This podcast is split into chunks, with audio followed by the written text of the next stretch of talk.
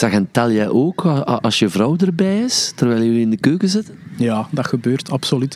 Ik heb... Uh, ja, ik, ik, heb al gezegd dat ik een zeer uh, fanatiek teller ben. Dus ik, heb, ik doe mee aan veel telprojecten die door het uh, IMBO of door Natuurpunt worden georganiseerd. Ik doe er hier ook op het werk in het Zwinnenadel. En daarnaast heb ik er ook nog een aantal bij mij thuis. Onder andere in de tuin tel ik al jarenlang, van oktober tot maart. Elk weekend doe ik een tuinvogeltelling.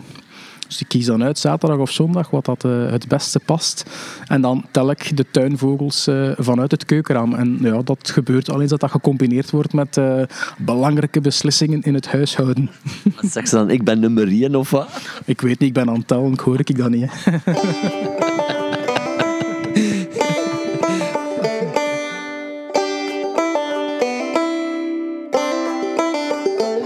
Welkom iedereen bij alweer een nieuwe aflevering van Feed Feed.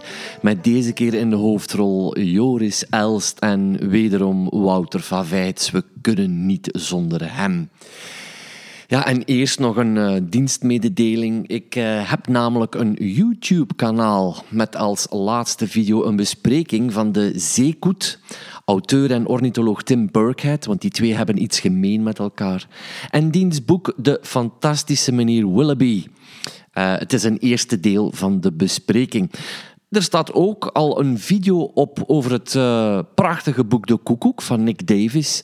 En uh, ik heb het op dat YouTube-kanaal dus niet alleen over vogels, maar ook over vogelboeken, omdat ik graag lees. Er staan ook al twee afleveringen op korte afleveringen, samenvattingjes van wat vogelzang, tuinvogelzang.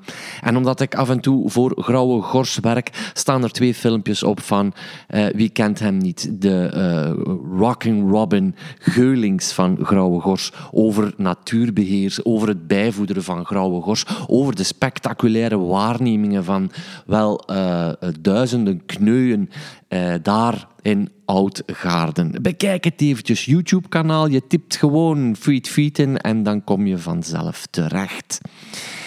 Um, ja, mijn vorige aflevering had ik een soundscape gemaakt van het ochtendgloren in een machtig bos in mijn buurt. Dat was in Waasmunster.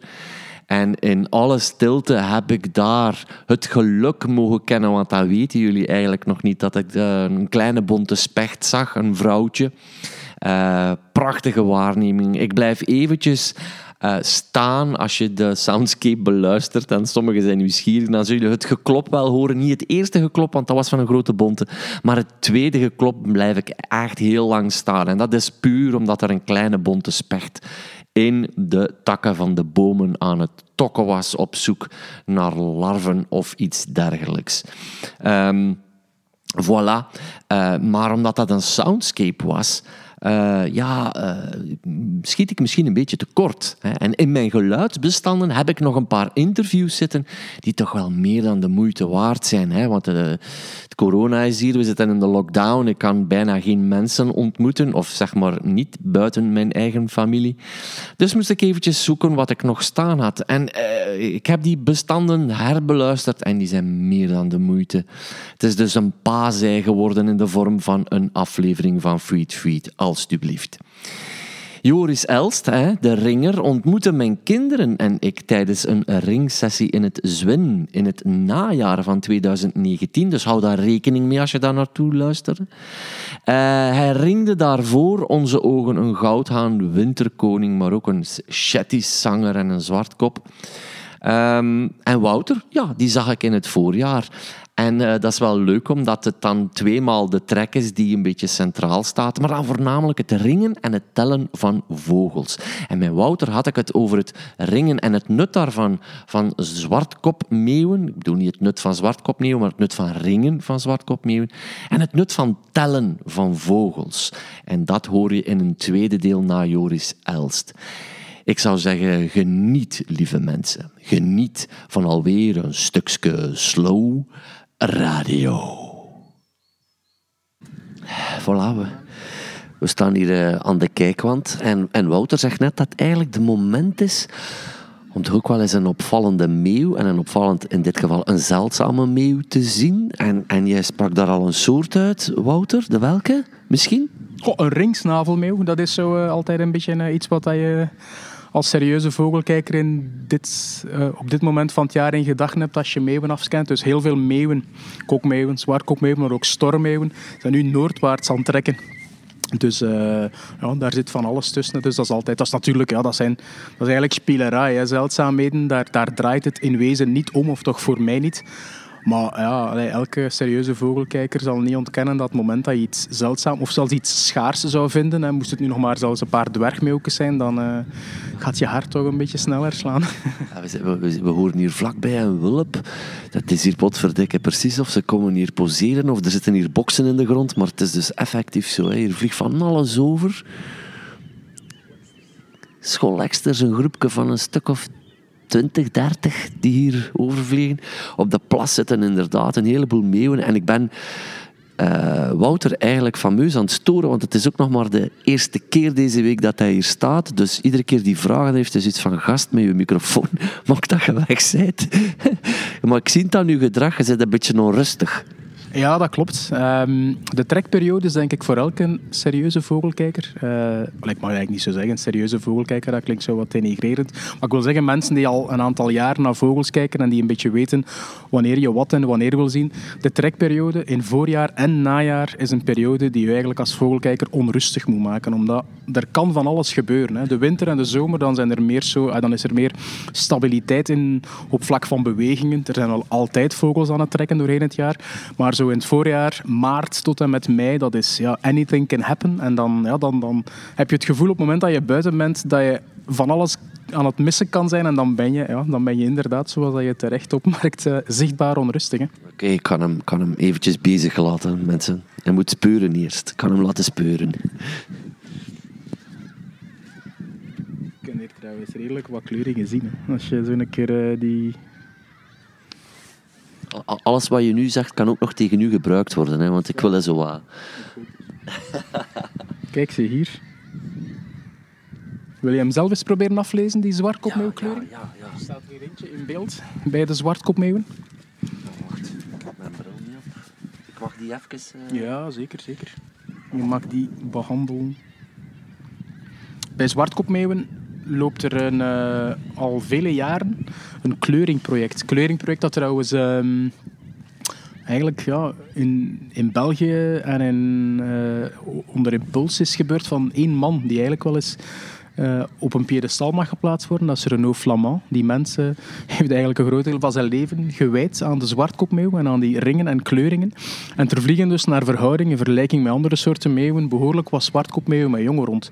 Uh, sorry, met met kleuringen rond. Uh, met jongen, dat is nog uh, een paar uh, maanden wachten.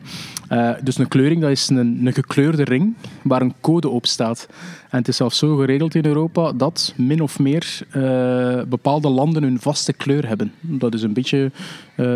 Het is niet helemaal correct toegepast, omdat er wat projecten door elkaar zijn gaan lopen. Maar witte kleuringen bij zwartkopmeeuwen komen uit België. Bijna altijd. Groene uit Frankrijk vaak. Enzovoort.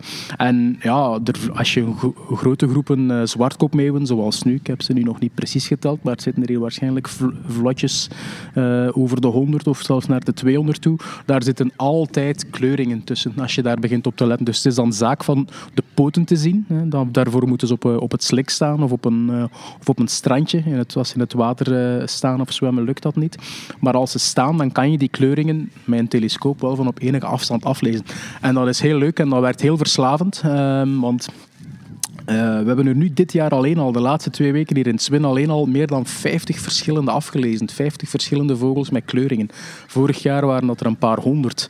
Uh, we hebben hier ook zelf vorig jaar een kleine 200 zwinzwartkopmeeuwen gekleurd. Jongen van hier. En dat is fantastisch, want die vogels komen dan als het ware individueel tot leven. Dus dan is het niet zomaar een zwartkopmeeuw dat je ziet, maar dan lees je een kleuring af. En als je dat vaak doet, dan begin je ook vogels terug te zien. Ik heb nu dit jaar al, uh, samen met nog iemand anders die hier vaak eh, kleuringen afleest, heb ik hier al verschillende vogels teruggezien die hier vorig jaar gebroed of waarschijnlijk gebroed hebben omdat ze hier in de broedtijd zaten. Dus dat is fantastisch om dan ja, die vogels ja, te zien dat dat, ja, dat, dat geen, niet zomaar dieren zijn die losjes uh, rondvliegen, maar dat, dat dat individuen zijn die, die gericht naar plaatsen vliegen en die weten wat ze doen. En krijg je dan soms terugmeldingen? Uh? Ja, absoluut. En voor die zwartkopmeeuwen lukt dat meestal zeer goed. Dat is een, een, een, een, klein maar vrij hecht netwerk in Europa van mensen die zwartkopmeeuwprojecten hebben.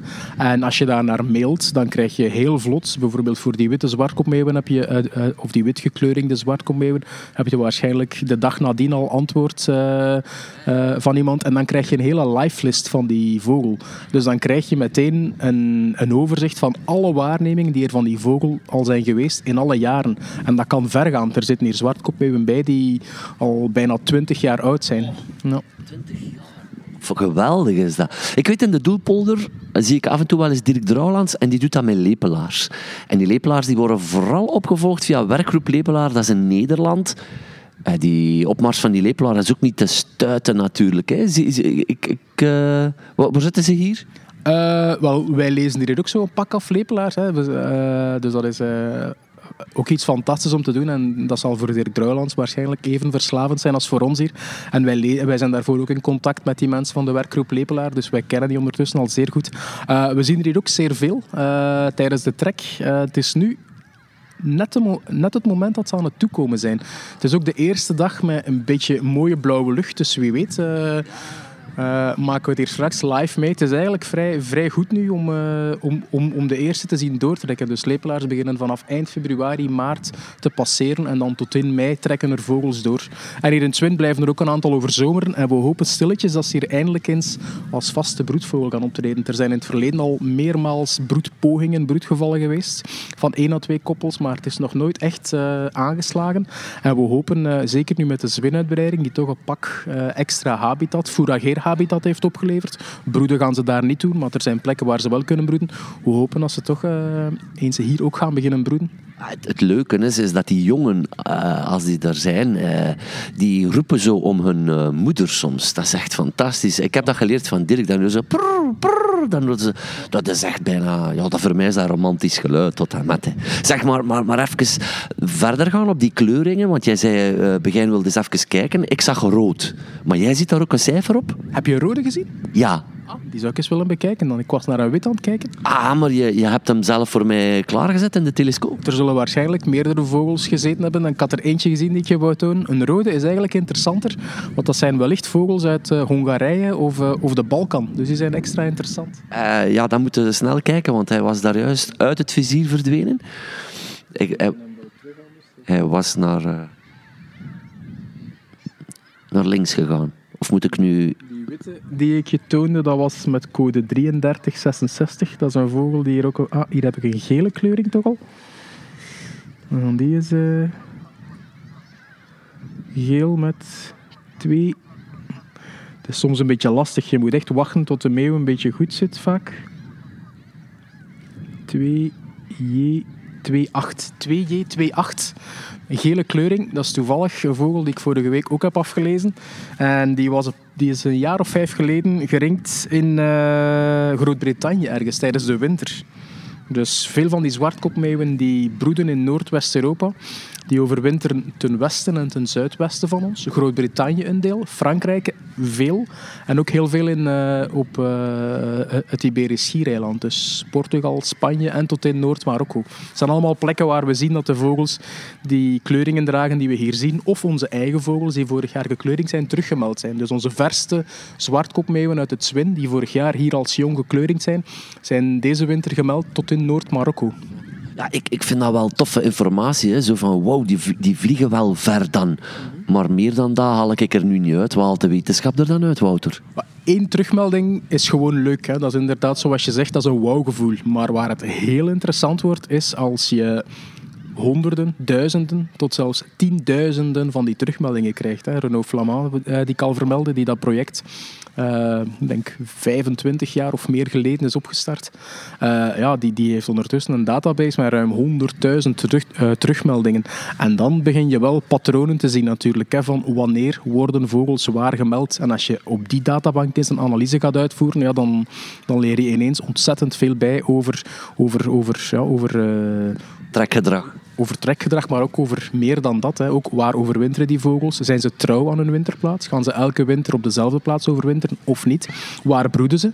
Uh, broeden ze elk jaar op dezelfde plaats of niet? Met wie broeden ze? Dat zijn allemaal dingen die je kan weten dankzij kleuringen en die zonder die kleuringen veel moeilijker zou zijn. Hè. Vogels worden nog veel meer dan met kleuringen ook met van die aluminium of metalen ringetjes geringd. Hè. Dat is de courante manier. Maar een op die manier uh, geringde vogel vereist eigenlijk dat hij altijd wordt teruggevangen of dood teruggevonden. Anders, dus de kans is veel kleiner en je hebt waarschijnlijk ook per geringde vogel maar één terugmelding of, of een paar maximum. Terwijl voor die kleuringen, er zijn zwartkoopmeeuwen, als je die afleest en je krijgt een lifelist die al tientallen keren of een paar honderd keer zelfs zijn teruggezien. Dus dat geeft veel meer informatie die veel gemakkelijker bereikbaar is. Oké, we gaan verder kijken. Hè. Ik moet hem even uitzetten, want ik, ik popel ook nu om een verrekijker te nemen. Dat is eigenlijk de reden waarom ik mijn telescoop niet heb meegenomen. Want anders blijf ik alleen maar in die telescoop plakken en niet mijn microfoon. Bon, we zijn vertrokken.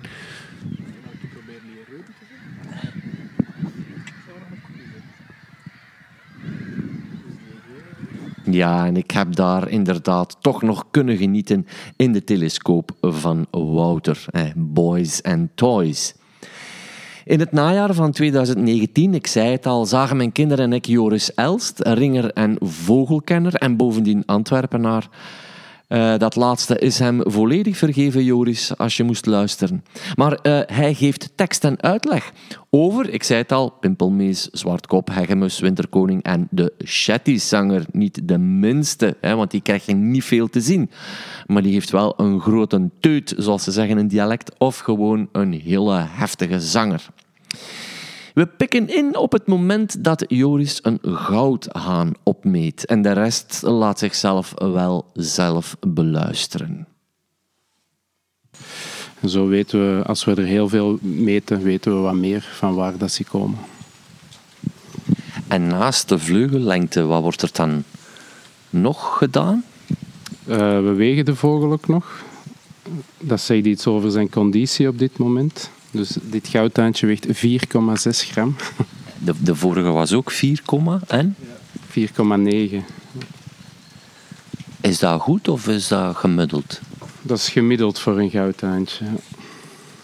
Dus 4 gram. En met 4 gram kunnen we wel zeggen dat het echt wel het kleinste vogeltje is van ons land? Ja, het kleinste van heel Europa zelfs. Samen met het vuurgoudtuintje, dat is niet groter. En de winterkoning is in centimeters ook niet groter, maar wel een beetje dikker. Dus, uh... Prachtig vogelken. Heel alert hier voor ons. Met zwarte speldenkop, oogstjes, magnifiek snaveltje, klein snaveltje. En dat snaveltje, dat dient om wat te pakken, denk je? Insectjes. Ja, insectjes. Het is een insecteneterken, hè. Dat maakt het ook wel heel fragiel waarschijnlijk in de winter. Ja, maar ze slagen er toch wel in om uh, hier te overwinteren. Ze halen insectjes tussen schors, meestal in dennenbomen en zo, sparren. En daar uh, vinden ze toch nog net genoeg om uh, de winter hier te kunnen overleven. Voilà, nog eventjes genieten. Hoppa, en het is weg. Ooit al van zo dicht gezien? Nee. Is mooi, hè? Ja. Dus altijd eerst een ringetje om. Dat is een beetje als de nummerplaat van een auto. Er staat een unieke nummer op en ook het land waar dat de vogel geringd wordt. Dus eh, als die ergens anders wordt teruggevangen of, of doodgevonden, want dat gebeurt natuurlijk ook vaak, dan weten ze direct dat die uit België afkomstig is. En dan via het cabin, de website van het cabin, kan je ringen als je er eentje zou vinden, invoeren. En dan krijg je een berichtje van waar die vogel geringd is. Dus deze is nu vandaag in het Swin geringd. We gaan hem nog even wegen en meten. Dus en al die gegevens gaan naar het cabin. Het cabin is wat? Het uh, Koninklijk Belgisch Instituut voor Natuurwetenschappen. uh, dus het museum waar de dinosaurussen staan in Brussel, dat kennen de meeste mensen. Dat kennen jullie wel, hè? Mm -hmm, ja. Heb je dat al bezocht? Ja, ja. vijf keer of zo. vijf keer of zo. En ook deze wordt gemeten en gewogen. En we gaan eens kijken of er al een verschil op zit met dat goudhandje. Hè? Want die pimpel, weet je nog hoeveel dat, dat goudhandje woog? Ja, 4,6 of 4,6. En deze, Joris? 9,8. Dat is al dubbel. Het is een mannetje. En hoe zie jij nu dat dat mannetje pimpelmees is? Want dat is toch moeilijk te zien? De, aan de intensiteit van het blauw hier op de, op de vleugeldekveren kunnen we zien, als je ervaring hebt, kan je zien dat dat mannetje bij een vrouwtje zou veel fletser zijn. Meer zo hier als het uiteinde van de staart. Het is ook een vogel die dit jaar geboren is. Dan kan je zien, deze pluimpjes hier, de handpendekveren, die zijn eh, nog fletsblauw en die zijn al veel mooier blauw. Bij een volwassen vogel zou alles dezelfde kleur blauw hebben. Dus daar kan je aan zien dat hij dit jaar geboren is. Het zijn de enige vogeltjes die pijn zouden doen. Ze, ze zijn inderdaad fel, hè? Als ze pikken, pimpelmezen hebben echt de juiste bek om eh, eens goed te nijpen. Worden dingen agressief? Die vinden dat niet fijn natuurlijk. Hè. Dus dan, van het moment dat die iets kunnen doen, doen die. Dus dan die nijpen met een snaveltje. Hè. Kunnen die ook aanvallen? Aanvallen naar mensen. Ja. Nee, dat zullen ze niet doen. Hè. Oh, kijk nu eens. Ja, zeg het. Een zwartkop? Een zwartkop, heel goed. En je kan zelfs zien of dat een mannetje of een vrouwtje is. Mannetje. Het is een mannetje. Goed zo. De mannetjes hebben een zwarte kopkap en de vrouwtjes een bruin. Ik heb nog wel vrouwtjes, ik zal het direct wel laten zien. En die zwartkop is een vogel die trekt weg. Eh, we zijn nu half oktober. Is het laat of, of, of is het normaal dat die hier nu nog zit? Eh, de bulk is wel gepasseerd. Het begint op zijn einde te lopen, maar ik heb er toch vandaag nog wel een heel aantal. Maar zo tot eind oktober, begin november kan je die nog wel zien. Oh, wat is dat? Pimpelmees. Weer een pimpelmees. Hoort, hoort. En zoals Joris daar juist zei, zijn dat inderdaad wel vogeltjes die van zich laten horen. Ze worden geringd en hij is niet akkoord. Of is het een zij, dat zullen we straks zien. Het is een zij. Zou het eerstejaars of tweedejaars zijn? Kan je dat nu al zien, Saar? Mm, denk eerste jaar. Eerstejaars. En Joris knikt van ja.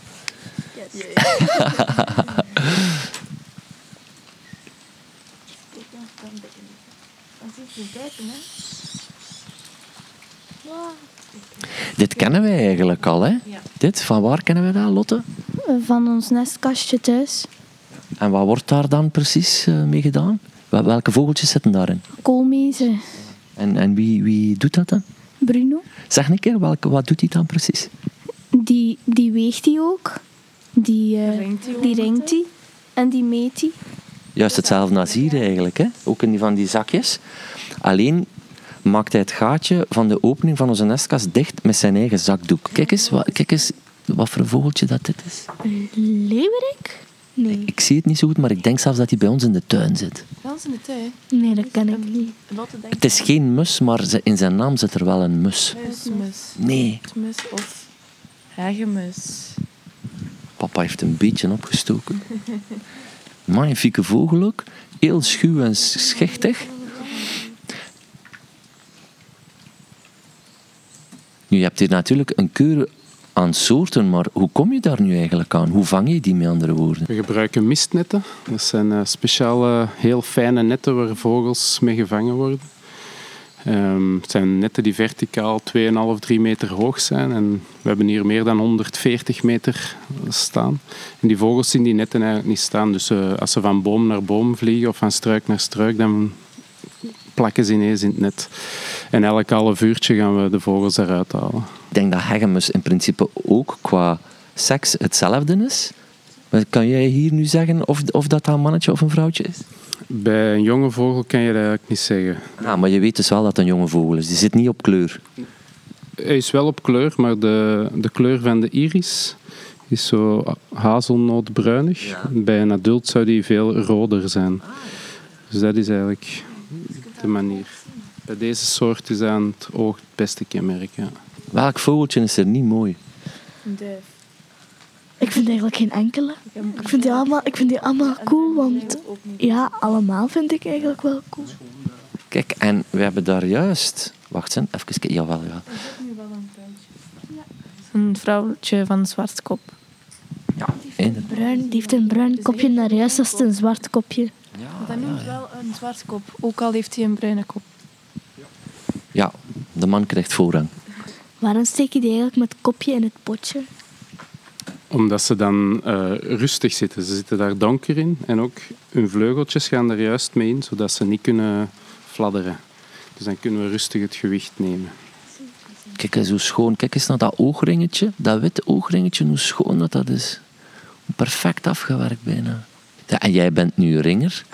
Ehm, hoe word je ringer?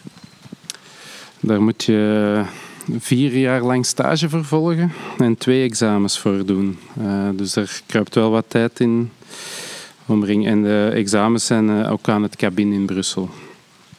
Dus ik, ik zit hier eigenlijk met een echte nerd voor mij. Waarschijnlijk wel, ja. Misschien zit jij wel de nerd. Dank u wel, Zien. maar da daar moet je ook echt al die handpennen en die armpennetjes kennen. En dat lijkt mij een heel moeilijk jobje, vooral bij die... Je noemt in, in het Engels noemen ze dat die, die little brown jobs, hè, die kleine vogeltjes. Ja, het is, uh, komt wel wat kennis bij kijken, maar er zijn ook goede boeken die gespecialiseerd zijn in de handkenmerken en zo. Dus ja, je kan er heel veel informatie over vinden. En dan, uh, dan leggen ze je een examen voor. Is dat dan effectief zo? Hoe moet ik me dat voorstellen? Ze hebben een vogeltje vast en, of, of een aantal vogels? Of hoe, gaat dat dan? Er is eerst een, uh, een theoretisch deel over uh, allerhande procedures die moeten gevolgd worden, die je moet kennen. Um, maar dan krijg je effectief eerst een aantal foto's die je moet determineren en uiteindelijk krijg je ook balgen. Dat zijn eigenlijk opgezette vogels, ah worstjes van vogels. En die moet je dan ook uh, op soort determineren, op leeftijd en geslacht en zo. Ja. Dus vier jaar stage, dat wil zeggen vier jaar stage hier, want je klinkt niet echt West-Vlaams. Nee, nee, ik ben van Antwerpen. Uh, nee, ik heb uh, stage gedaan op het Groot Schietveld in Brecht bij Ringer. Ja. Ik ring zelf meestal in uh, Kalmthout op de heide. Dit is een uitstapje. Oh, roodborst. Waarom zijn sommige eigenlijk dik en waarom zijn sommige dun? Eigenlijk. Sommigen zetten hun pluimen wat meer open als ze het koud hebben. Dan lijken ze misschien wel wat dikker. Ah ja. ja. Maar in principe gemiddeld Kijk, en, en we hadden daar juist dat goudhaantje, dat woog. 4,6. Pimpelmees. 9,4. 8. En deze roodborst, Joris? 14,6. Oh, we stijgen in gewicht. We gaan nog stoppen bij 50 kilo. No. Amai. Het is een ooievaar 3, 4 kilo en een visarend een kilo of twee. Zou je niet zeggen als je in de lucht hangt, hè? Nee. En waarom zou die dan niet zoveel wegen? Hoe zou dat komen? Omdat die anders niet goed kunnen vliegen, dat die te zwaar zijn en boompads op de grond vallen. Zo hoor ik het graag, dochter. maar jij, ringt dus nu zangvogeltjes. Mag je dan ook alles ringen of, of zit daar ook een, een, begrenzing op? Je moet twee examens doen tijdens je opleiding. En het eerste examen is dus na twee jaar stage. Uh, en dan mag je enkel uh, vogels in nestkastjes ringen. Dus dan mag je nog geen netten gebruiken of andere vangtuigen. Uh, daarvoor moet je dus je ook door je tweede examen zijn. Dus enkel na het eerste examen mag je enkel pully ringen. En pully zijn? Uh, jonge, niet uitgevlogen vogels. Het is een settiszanger. Ah, een settiszanger. Oh, ik wist niet dat die zo'n uitgewaaierde staart hadden. Want die rotvogels laten zich ook nooit zien. Nee, inderdaad, dat is moeilijk te zien te krijgen. Dat is de enige Europese zangvogel met maar tien staartpinnen. Al de anderen hebben twaalf staartpinnen. We zullen ze direct eens tellen. Om te zien dat we gelijk hebben. Die maakt een onwaarschijnlijk lawaai, die settiszanger. Of mag ik zeggen geluid, het is maar wat hij ermee doet. Het is uh, eigenlijk bijzonder mooi. Een vogeltje dat hier vroeger niet zat in onze contrij. Komt meer van de uh, Spaanse kanten, denk ik. En is de laatste jaren eigenlijk toch wel behoorlijk massaal bij ons komen wonen. Ja, dat klopt. Voilà, dank u Joris. Ik heb Shetty-zanger nog nooit van zo dicht gezien. Wilde er ik een foto van pakken, want een vriend van mij vindt dit zo'n moeilijke vogel om te zien. Die heeft hij nog nooit gezien. En nu zit hij hier in de hand bij Joris.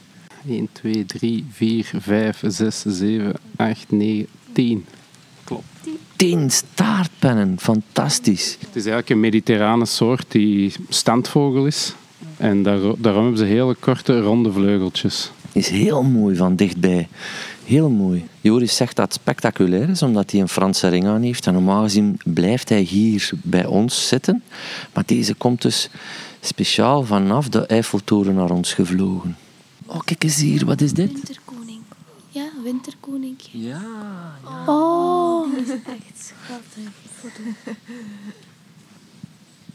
En hier hebben we een winterkoninkje. Hoeveel zou die wegen? Hoeveel gram was het? Zeven en een half. Kijk eens, wat een mooi vogeltje. Laat ons even teruggaan om af te sluiten naar eh, maart 2020, waar ik eh, Wouter ontmoette. Dus het begin eigenlijk van de trek dat al die vogels hier terug arriveren. En u hoorde het daar juist al, we zagen al heel wat zwartkopmeeuwen. Maar ehm, ja, Wouter en ik hadden het eigenlijk over het nut van het tellen van vogels. Hè? Want je hebt het tuinvogelweekend, maar er is ook MAS. Daar hebt u misschien nog nooit van gehoord, maar dat is het meetnet agrarische soorten, waar eigenlijk boerenlandvogels worden geteld. Ehm, maar eh, dat heeft wel degelijk zijn nut. Wouter geeft eh, ook tekst en uitleg. En net op het moment dat ik dacht Wouter is eigenlijk nog een van de meest normale vogelaars die je tegenkomt. Altijd in een teller boven en begint hij toch wel alles te tellen wat dat hier op die plas zit, zeker? Of, of vergis ik mij? Nee, nee, je vergist je zeker niet. Ik ben een uh, zeer uh, fanatiek vogelteller. Ik denk dat, dat is eigenlijk zelfs een beetje wat ik het leukste doe aan vogels kijken. Is kijken en genieten, maar ook tellen en registreren en dat bijhouden. En dat systematisch doen, dat vind ik eigenlijk fantastisch. Ik ben dan ook uh, zeer uh, enthousiast aan het meewerken aan de Vlaamse Vogelatlas, die uh, dit jaar eigenlijk, nu 2020, is opgestart. En ik ben daar al vol enthousiasme aan begonnen. Ja. Dus je hebt uw vak opgeëist? Ja, ik heb, sterker nog, ik heb er drie opgeëist. ja, ik vind dat elke zichzelf respecterende vogelkijker in Vlaanderen moet minstens één vak doen. Oei. ja, vul maar in. Hè. okay, maar ik doe mee aan het MAS, is dat goed? Absoluut. MAS is het meetnet agrarische soorten, dus ik tel akkervogels als ik kan. Ja. Ah, wel, ik, ik, ik wil het dan nuanceren. Elke zichzelf respecterende vogelkijker moet dan minstens één serieus telproject meewerken joepie, ben er toch nog bij. maar we gaan even kijken. Jij gaat die zwartkop meeuwen tellen nu? Ja. En ik, uh... zeg maar, is daar dan een soort methode voor? Hoe ga je van links naar rechts? Deel je dat denkbeeldig in in een bepaald raster of hoe doe je dat? Dat hangt er een beetje vanaf van links naar rechts gaan. Daar heb ik niet echt een vaste methodiek van. Dat hangt een beetje ook van de situatie of de plek waar ze zitten en zo. Uh, als ze zoals hier grotendeels nu vrij rustig zitten, dan kan je gewoon met de telescoop er doorgaan en ze één voor één tellen. Nu, je hoort misschien dat geklik. Dat is wel een heel handig toeltje. Dat betekent ook dat ik tegelijkertijd kan babbelen en, uh, en tellen. Uh, dat betekent dat ik de vogels niet 1, 2, 3, 4, 5 aan het optellen ben, maar dat ik met de klikker telkens een, uh, een klikje geef met de vinger op zo'n speciaal klikkertoestel. En elke klik is een zwartkopmeeuw. En zo kan je eigenlijk uh, ja, gewoon tellen en, uh, en ondertussen nog iets anders doen. Je kan ook met zo'n klikker tegelijkertijd meerdere soorten tellen of meerdere leeftijdscategorieën. En dat is iets wat ik vaak doe bij meeuwen, dat ik uh, adulte vogels en in het geval van zwartkommeeuwen kan je ook een onderscheid maken tussen tweede wintervogels en eerste wintervogels. Die, die zien er nog een beetje anders uit in hun verenkleed. En dan kan je die ook onderscheiden. En als je dat zeer regelmatig doet, ja, dan krijg je een idee van de leeftijdsopbouw binnen zo'n populatie. En ook of die leeftijdsopbouw verschilt. Op dit moment, we zijn nu begin maart, de zwartkopmeeuwen zijn nog maar pas aan het aankomen. Dan merk je dat het de bulk, de overgrote bulk van de vogels zijn adulte vogels. Volwassen vogels die al minstens drie jaar en misschien zelfs veel jaren ouder zijn. Er zitten maar een paar eerste winters tussen voorlopig, maar dat aandeel neemt toe zeker in april en mei zitten hier naar verhouding veel meer eerste winters tussen. Die vogels die zijn nog niet gehaast. In het geval van zwartkopmeeuwen nemen die het eerste jaar of het eerste uh, jaar dat volgt op hun geboorte nog niet deel aan het broedproces. dus die gaan niet zelf al een nest bouwen en zo. Maar die bezoeken wel al de kolonies. Maar die zijn daarvoor niet gehaast. Ze moeten niet zo snel mogelijk zijn om een partner te zoeken en een nestplaats uh, te verzekeren. Ze hebben tijd. En daardoor komen ze wel later in het voorjaar, in de loop van april, vooral naar hier. En dan brengen ze die kolonies wel al een bezoekje en kijken ze van, oh ja, waar, zou ik, waar zou het in de toekomst, in de volgende jaren voor mij kunnen interessant zijn. En zo bouwen ze kennis op. Zeg, en tel jij ook als je vrouw erbij is, terwijl jullie in de keuken zitten? Ja, dat gebeurt, absoluut. Ik heb... Uh, ja, ik, ik, heb al gezegd dat ik een zeer uh, fanatiek teller ben. Dus ik, heb, uh, ik doe mee aan veel telprojecten die door het uh, IMBO of door Natuurpunt worden georganiseerd. Ik doe hier ook op het werk in het Zwinnenaantal. En daarnaast heb ik er ook nog een aantal bij mij thuis. Onder andere in de tuin tel ik al jarenlang, van oktober tot maart. Elk weekend doe ik een tuinvogeltelling. Dus ik kies dan uit zaterdag of zondag wat dat uh, het beste past. En dan tel ik de tuinvogels uh, vanuit het keukenraam. En ja, dat gebeurt alleen dat dat gecombineerd wordt met uh, belangrijke beslissingen in het huishouden. Zeg ze dan, ik ben nummer 1 of wat? Ik weet niet, ik ben aan het tellen, hoor ik dat niet. Uiteraard is zij de baas, dat spreekt voor zich. Ah, ja, maar bij mij ook zo. ik kan je bezig laten, hè, want je wordt nog niet gedaan. Hè. Ah ja, dat was het. Ja. rond. Ik kan ondertussen nog wat geluiden opnemen. Et voilà, dit was Feed Feed aflevering 29, maar ik denk dat ik er ondertussen al 2 of 33 gemaakt heb. Ik hoop dat u ervan genoten hebt. Check mijn sociale media, Facebook, Twitter, uh, Instagram, wat is er allemaal niet. Je kan kijken op mijn website birdnerd.be. Uh, ja, bekijk dat allemaal eens. In uh, mei of juni komt mijn boek uit, Feed Feed, de passie van het vogelkijken. Maar omwille van de lockdown is het allemaal een beetje onzeker wanneer we dat boek gaan uitgeven, omdat alle winkels nu dicht zijn. Uh, maar het komt in ieder geval zeker en vast uit. Dat staat als een paal boven water. En daar ga ik natuurlijk zelf ook nog een beetje aandacht aan besteden in een van deze afleveringen. Ik wens u het allerbeste. Ik wens u, uh, ondanks alles, toch een zalig paasfeest. En tot een volgende dag.